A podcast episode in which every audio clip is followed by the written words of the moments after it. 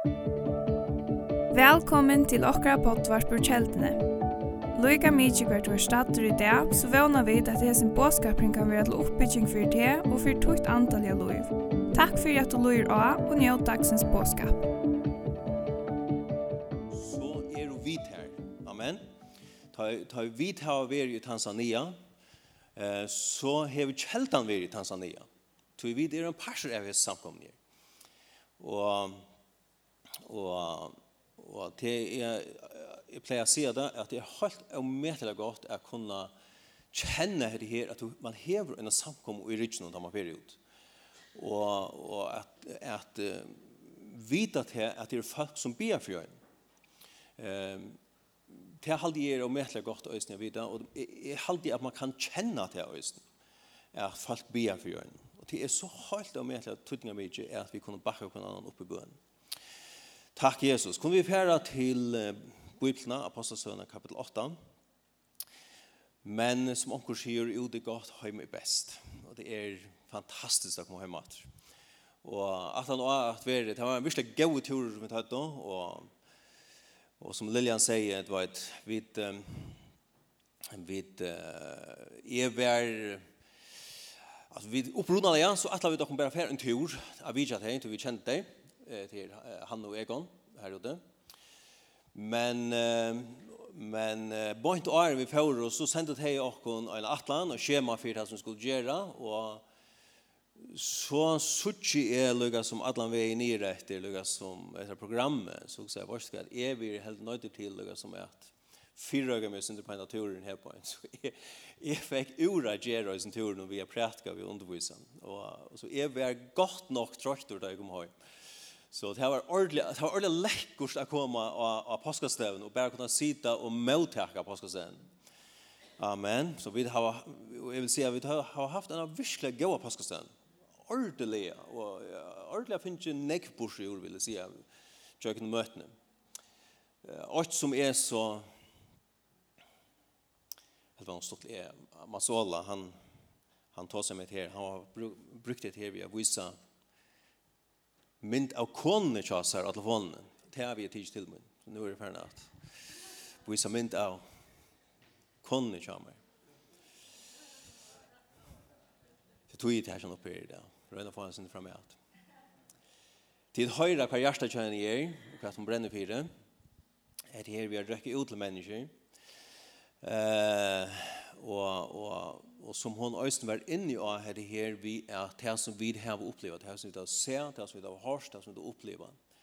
Uh, de undrene som Gud gjør, de miraklene som han gjør, de som vi har sett og opplevd, vi er en parser av. Det gjør noe vi gjør.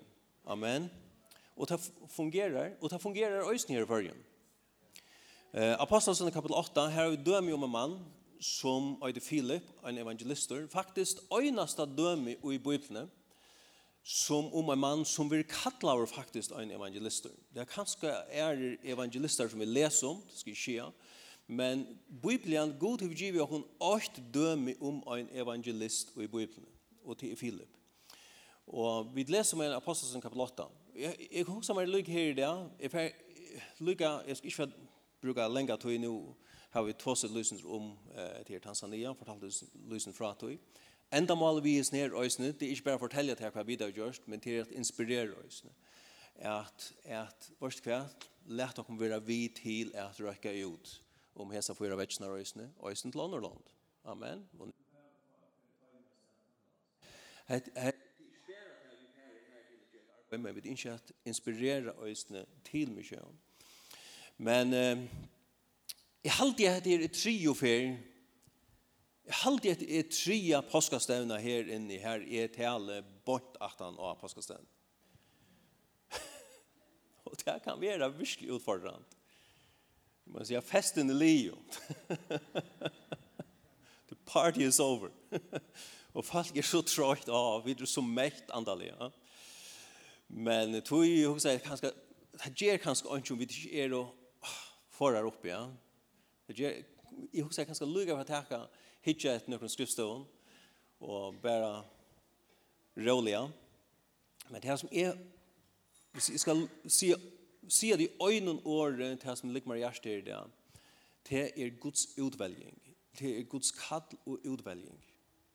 God utveler, God kallar mennesker til imensting. Og vi sutja her i Apostelsøen kapitel, kapitel 8, jeg leser lukka fra vers 3, og en 3 i 4 vers 9 etter, Det stender av Saul, som ble Paulus 17, ja. Saul for ytla ved samkomne, han gikk i kvart hus, og drog av sted be i menn og kvinner, og lærte seg til fenghus. De som spjatt våre, og gikk noe om og kunngjørte år evangeliums.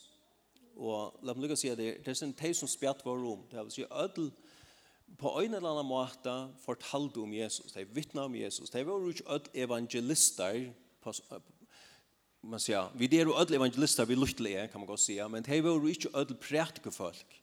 Men det gingo om och kungjorde år evangelium, så det vittnar om Jesus. Men så stendt om Filip. Filip kom ta til bo i Samaria og prætka i Kristus fyrt heimann. Av øynene hjersta gav følge til gæter som Filip tala i, tog teg hørte og så tekjen i han gjørte.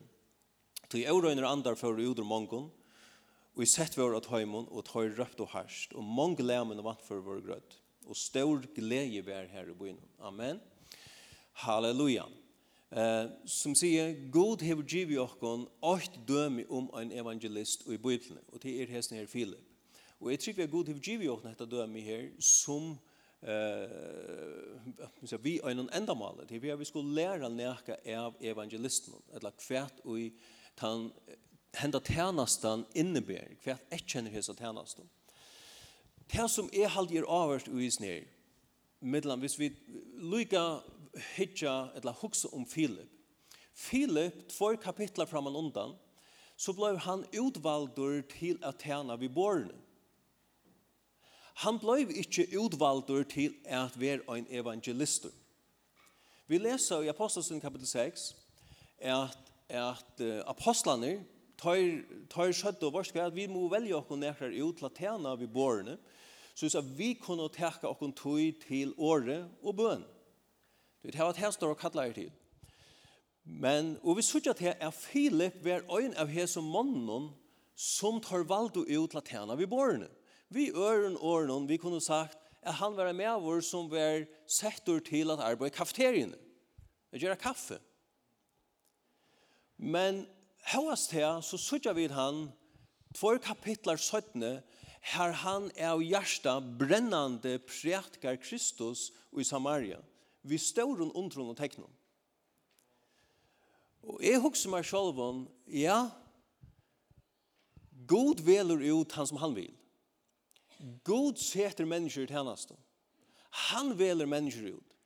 Ta vi lesa om, og ta jeg sier her at Philip er blev rødt for en evangelister, så sørger vi til ham et land i Apostelsen kapitel 1, her Paulus søttene, som søkte er samkomne her, fyr inn, inn til Filip, av vidtje han, og bruker nekra det er samme vi Filip, jeg kan lese i Apostelsen 1, 28, uh, her han brukar tog samme vi Filip, familjen i John. Filip hei med landa av døtrar som profiterer av så han, han hei jo en, han hei jo en, han ser ut som han hei en, han hei en, Eh, men, men, men vi suttja, her er altså Philip røptur som en evangelister. Men i Efesos brev kapitel 4, her vi lesa om hesar her fem eh, tænastogavnar, eh, så sier Efesos brev kapitel 4, vers 11, at han, Jesus, gav okko nekrar til apostlar, nekrar til profetar, nekrar til evangelister, nekrar til hirar og lærere. Jesus gav okkon. Det stendur og han gav okkon. Jesus gav okkon hesa tjänastnar. Det var ikke en samkommet løsla som gav okkon hesa tjänastnar her. Det var Jesus som gav okkon. Da jeg leser 4 Korint kapitel 12, og øyne her til sørste versene om tjänastnar, så stender det her, vers 28, 4 Korint 12, 28, så stender det her at God hever sett i i samkomna, hesi og hesi og hesi og hesi til der rimsko tænasten. Det stender ikke at samkomna Lorsland sette hesi følsene til tænasten. Nå, hvis du lykker færre vi mer til Apostelsøvna kapitel 13, så er det nok så apropos her her som vi har gjort her i det, at vi har bygget for tøymen som fyr til Torskalands. Men her leser vi om ta i Paulus og Barnabas ble sender ut i Misjøen tar færa fra, sender ut fra samkomne i Antioquia. Og her stendur at vers 8 sender i Antioquia samkomne her var profetar og lærar. Barnabas, Simon, som er tilnavnet Niger, Lucius og Korene, Manaen som var fosterbror Herodes, fjøringshøvdinga og Saul. Og så stendur vers 2, medan tegn og held og gudstjeneste og fasta og seie høyla i anden. Tætje mer ut Barnabas og Saul til verste og i er har vi kallat tøyr til. Amen. Og i er har vi kallat tøyr til. Så er det Høyla anden sier, legg meg ikke, høyla anden sier, det er ikke mer ut Saul og Barnabas til verste som er her vi kallat tøyr til. Vi gjør noen til å være og kall i livet noen tja Barnabas og tja Saul, eller tja Paulus. Og i hesten her, og her som møter noen her, i hesten gudstjennesten her, så sier høyla anden, Tætje mer ut hæsa på mennar her. Du, er har kallat her til nakka. Og i hæsum noen her, så vi til at her er altså en samkommet lorsla, som høyrer fra gode, og som sujane, at nå faktisk versen at nå stendur, at de legger hendurna av tøyr og sender tøyr ut. Amen. Så samkommet sender hæsar her boa mennar ut i misjøen. Og så sendte øysene at vers 4 tøyter noe såleis av høyla i andan om vår sender ut. Så det er bare til at samkomman vid vi vier kjenne til kall som er i livet av mennesken, og så lett vi henter av mennesker, og vi sender til ut. Amen. Og i hesseføren er det så mye om. Men det kan godt være noen andre tjeneste. Det kan godt være noen tjeneste som er inne i husen her på en. Et eller som er man ser här i förrjun, eller som involverar man ser lokala samkomarbeid här på en. Här vid som lörsla suttja eh, vårt kvärt Guds hand er iver hans personen her. Gud har utvalgt hans personen. Gud har salva hans personen her. Amen. Eh, og så letja vi hendene av vi kommande, og vi bian for vi kommande, og innsett at vi kommande til tjenest, og eller senda vi kommande ut og ut av tjenest som Gud kallar han til. Amen. Så, så det er, man sier at I hesson føren er det tøytninga mykje til okkon som er losla, er at vi er verken uh, fyrir hva høyla i anden sier.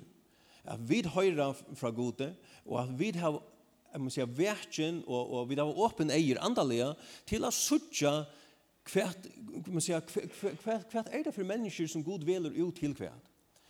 Uh, og at vi vir kjenne til, vi vir kjenne til tjenestene.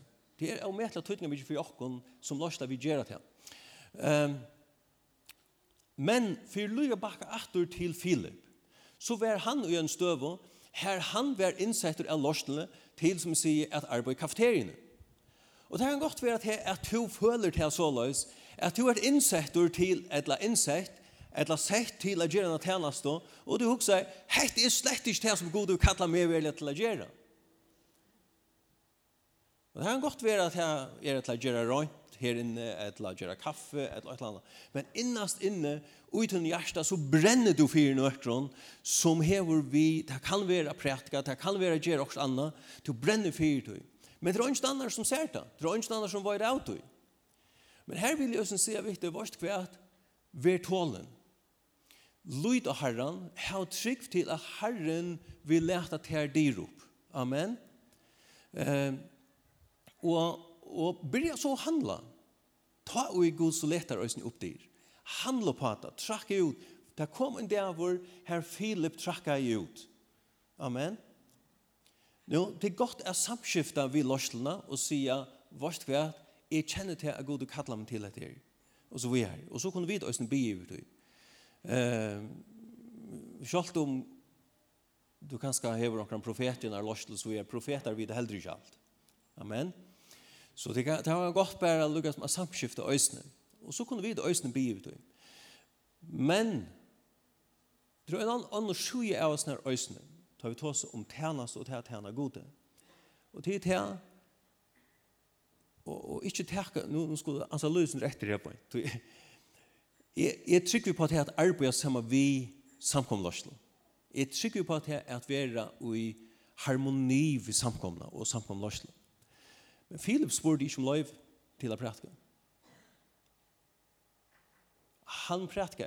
Han kom til et sted, og han prætke evangeliet. Han ber som så ikke om løyv til det. Når andre så til han, Jeg tar jeg han hei prætke her, så innså han til han, vårt at jeg kan ikke gjøre alt arbeid ensamhandel. Jeg har brug for hjelp. Og ta sendte han på etter Johannes og Peter fra samfunnet i Jerusalem, som kom og hjelpte ham. Så han innså at det, så det var ikke en konflikt her, det var samarbeid. Amen. Halleluja. Nu, vi, tås er løsender omhet her som hever vi tænast og slukt å gjøre. Um, så god utveler mennesker til imes ting. Og et vers som hever livet meg, eller, som, som herren bare taler til meg nok så nekvis av tøyen, eller mitt mye av fløyverna. Det er fra 4 Korint kapitel 12, som tåser om likamme. Og her i, hvis vi leser vers 14, så tåsar om Kristi likam, eh, som her Paulus samanberda vi eit, eit, eit vanligt, om jeg sier, naturligt likam, eh, så sier han her at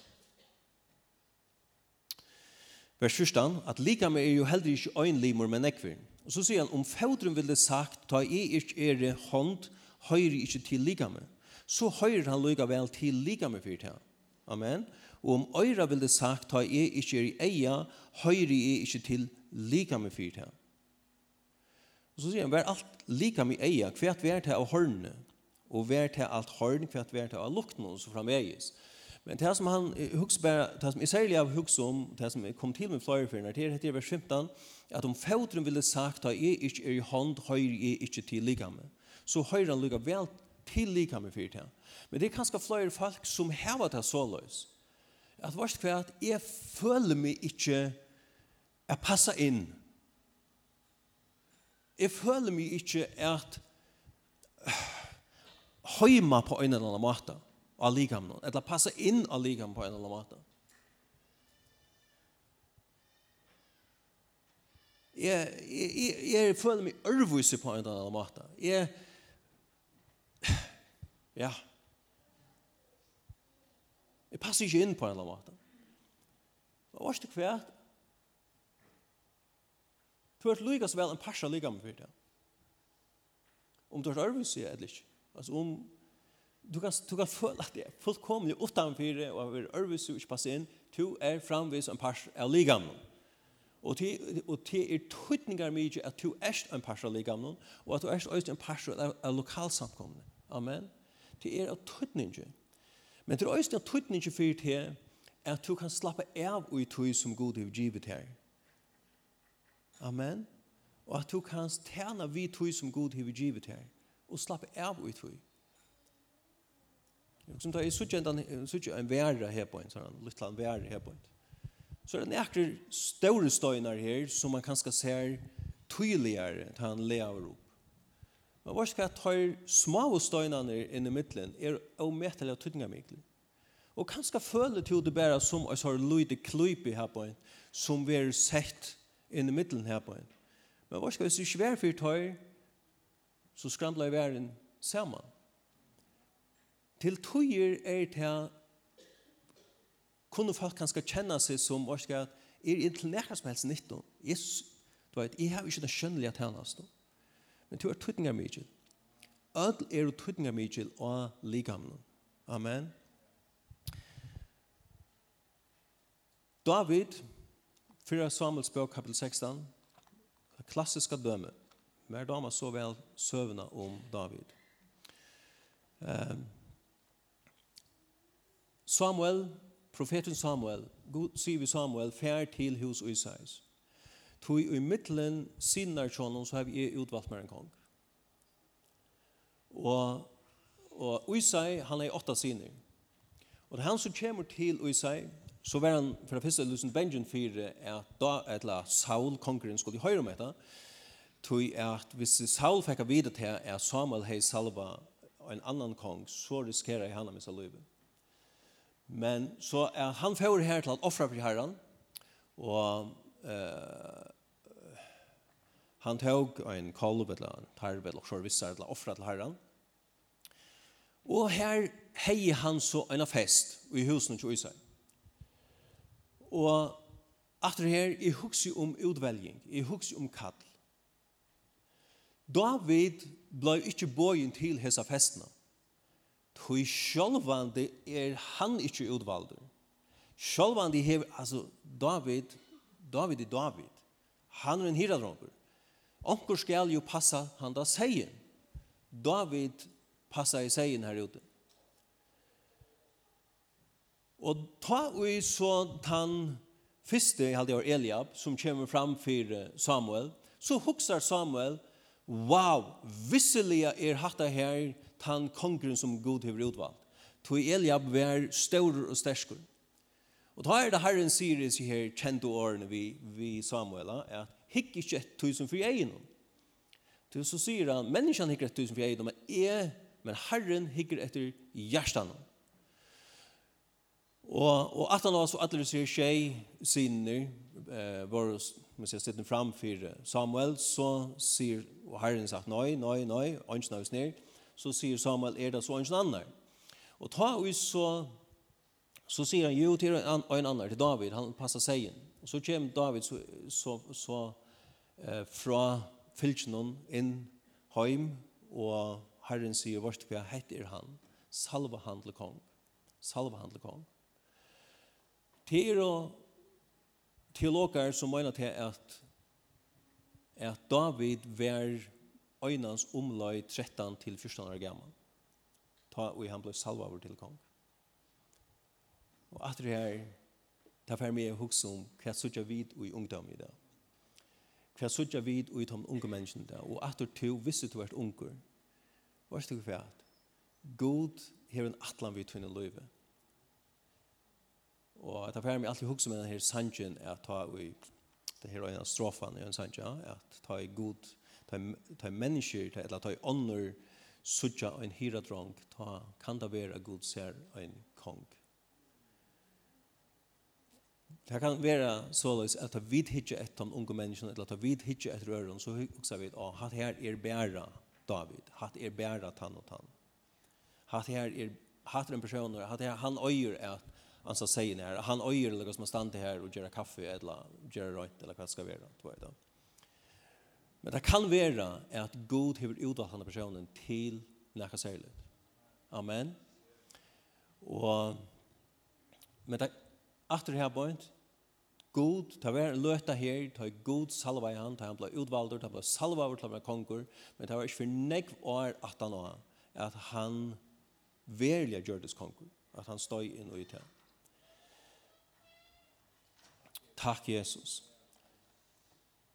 Bibelen sier om Jeremias, han sier at hva skal at æren til bløft til i morløv, så utvalgte jeg det, så kjente jeg det, og jeg utvalgte og sette det til profet Kjøvane. God kjente til æren til bløft født, eller æren til bløft født, og han er en atlan vid tvinne liv. Han er atlan vid tvinne liv. Og det aller viktigaste for dere, det er hettar at vi bortser dere for herren, og Og vi sier vi herren, herre, jeg vil fylgja til her. Jeg vil tjene til her. Jeg vil liva for til her. Jeg vil gjøre til her som to kallar meg til. Oansett hva det er, så vil jeg tjene til her. Amen. Halleluja. Takk, Jesus. Vi um,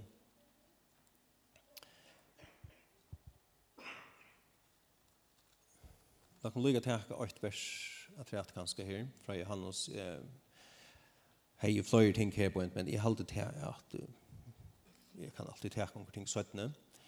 Men jeg husker her vi fra Johannes kapitel 13. Johannes kapitel 13. Det var en tog tjamer, det var faktisk fløyre år i min liv. Her og jeg følte med som hva skal man si, at han mishåttet dunnungen og kristeligen. Jeg må det Jeg følte med som til at Olaver, to to er ikke lykke som henne. Jeg følte meg utenfor.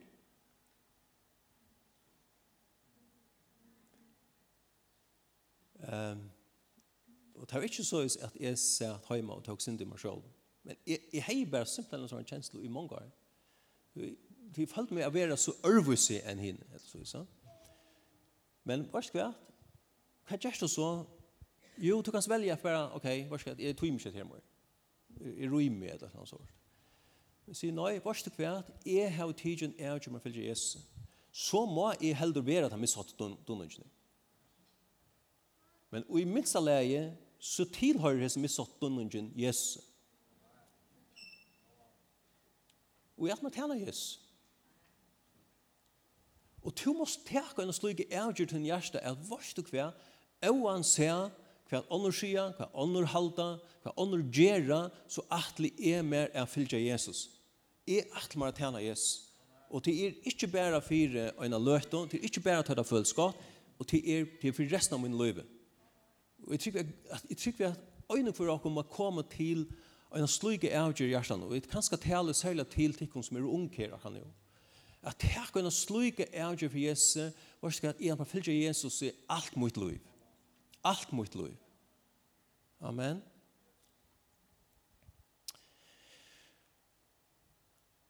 Takk Jesus, takk Jesus, takk Jesus. Og så er jeg så glad for at jeg fikk mine kone, som, som jeg kunne hjelpe meg ved den ekven. Jeg får ikke med at det er bare så. At jeg har misstått av donogan her på en tas. Takk Jesus. Amen. Amen. ganska frierande att följa som en elefant i en glasshus. Men, men så att god kallar till ut, god vill till ut till det som han nu har begärt. Han, han hever en atlan vid här. Amen. Och fylk honom, fylk tog. God vill läta det dyr upp. Men i hugg som är här i Johannes kapitel 13 tar Jesus vaskar lärsvännen fötterna. Så stendte fire påskøktøyene hendte etter vers 8. Jesus visste at tøyme hans herre var kommet. Og legg merke til at det her, det uttrykket her, Jesus visste. Jesus visste at tøyme hans herre var kommet. At han skulle fære bort. Som han ei elska søn i egnu som i høymen og våren, så elska han det lykket til endan. Jeg elsker det uttrykket her. Amen. Og som han hei elska søn i egnu, så elska han det lykket til endan. Amen Det er helt omvettelig godt å kunne vite til Jesus i er tøyen. Du elskar tøyen i egnu. Du elskar tøyen i egnu. Og vite til er, er en pastor av hans her egnu. Amen. Og han elskar det lukka til endan. Så er det god kalla i det. Ta Jesus kalla i det. Så kalla han det vid navnet i hans kapitel 2 stendet det at han kallar Seisun ut, så, så kallar han Seisun vi navnet. Så er det to erst ikke bare øyn ut til større grav og mongten, man så kan si. To erst ikke bare øyn, eller to erst ikke bare en, en, en, en, en lydel, uh, tøytingarleiser, parser av disse større mongtene. To erst omedelig tøytingarmidjel fire gode. Og da Gud valgte til ut, så kallet han til vi navnet. Han kjente til. Han kjente til Arne Høymer var skapt. Han kjente til Arne han har skapt den Høymer. Da visste han, han kjente til. Bibelen sier i Efesus brev kapitel 8, jeg kom etter til at her i Johannes 13 her. I Efesus brev kapitel 8, da sier han her at han, du ikke siterer det, 8, 4, at ans og han, altså god, utvaldi okkon og i Kristus åren høymeren var grundaver Jeg var høylo og avlastande for asjon søgne god utvaldi okkon til å liva for hans asjon og i allar æver men han gjør det til åren hesen høymeren var grundaver og da han stender han utvaldi til han utvaldi okkon så er det ikke bare randomly. Det er ikke bare tilvildarlige at han utvalgte til det er ikke bare så at han bare lukkar som vet, tog bare omkring ok, tar ikke omkran ut. Nei, han, han, tøytningen av sin åren er at han vandalia utvalde til. Du er håndplukkaver av honom. Amen.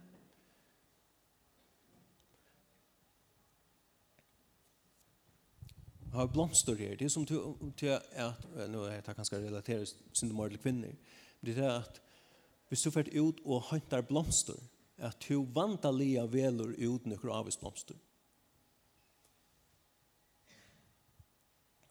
Det ble brukt, uttrykk ble brukt om ta og til dømes hermen ble sendt i utlandet, særlig til å gjøre avviser oppgave.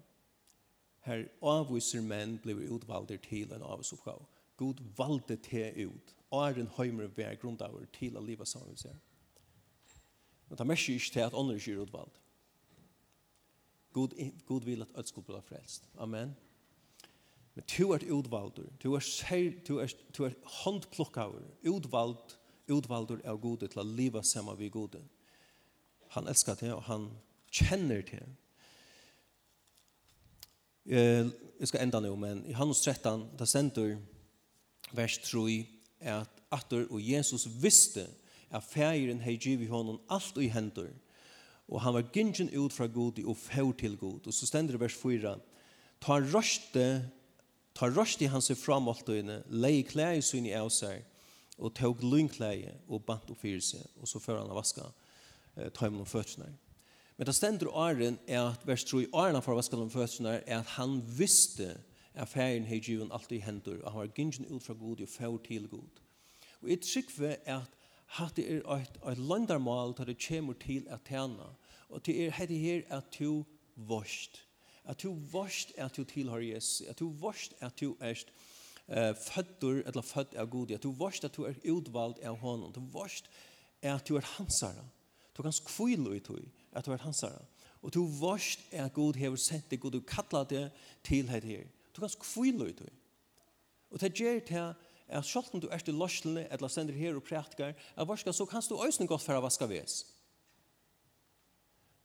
Du blir ikke minne av tog. Du varst at Gud har utvalgt det. Du varst at Gud har kallat det. Amen. Og ta du varst at Gud har utvalgt det til at gjøre som det som skal gjøre. Ta kan du slappe av. Ta er du ikke bengen fyrir at ånder lukka som kommer mer fram enn to, eller mer, mer rampeløs enn to. Du, du kan skvila ut tusen god utgivet her. Amen. Du, det er ikke en konkurranse. Tvers og møter, Det snur seg faktisk om til at vi hjelper hver nøren opp. Halleluja. Amen. Så, så grund av det som Gud har givet her, det kommer Guds år, grund av det hver du er til Kristus, grund av din identitet hver du er til honom, og til at han vil utvalgt det. Og, og, og Bibelen sier som gjør kall og utvelging til hver først. Um, halleluja. Amen og kvil så ut hui. Geng ut hui og kvil ut hui, og hjelp øren fram med at. Amen. Halleluja. Læt meg bli en bøn her til sørst, og så får jeg det gjøre. Amen.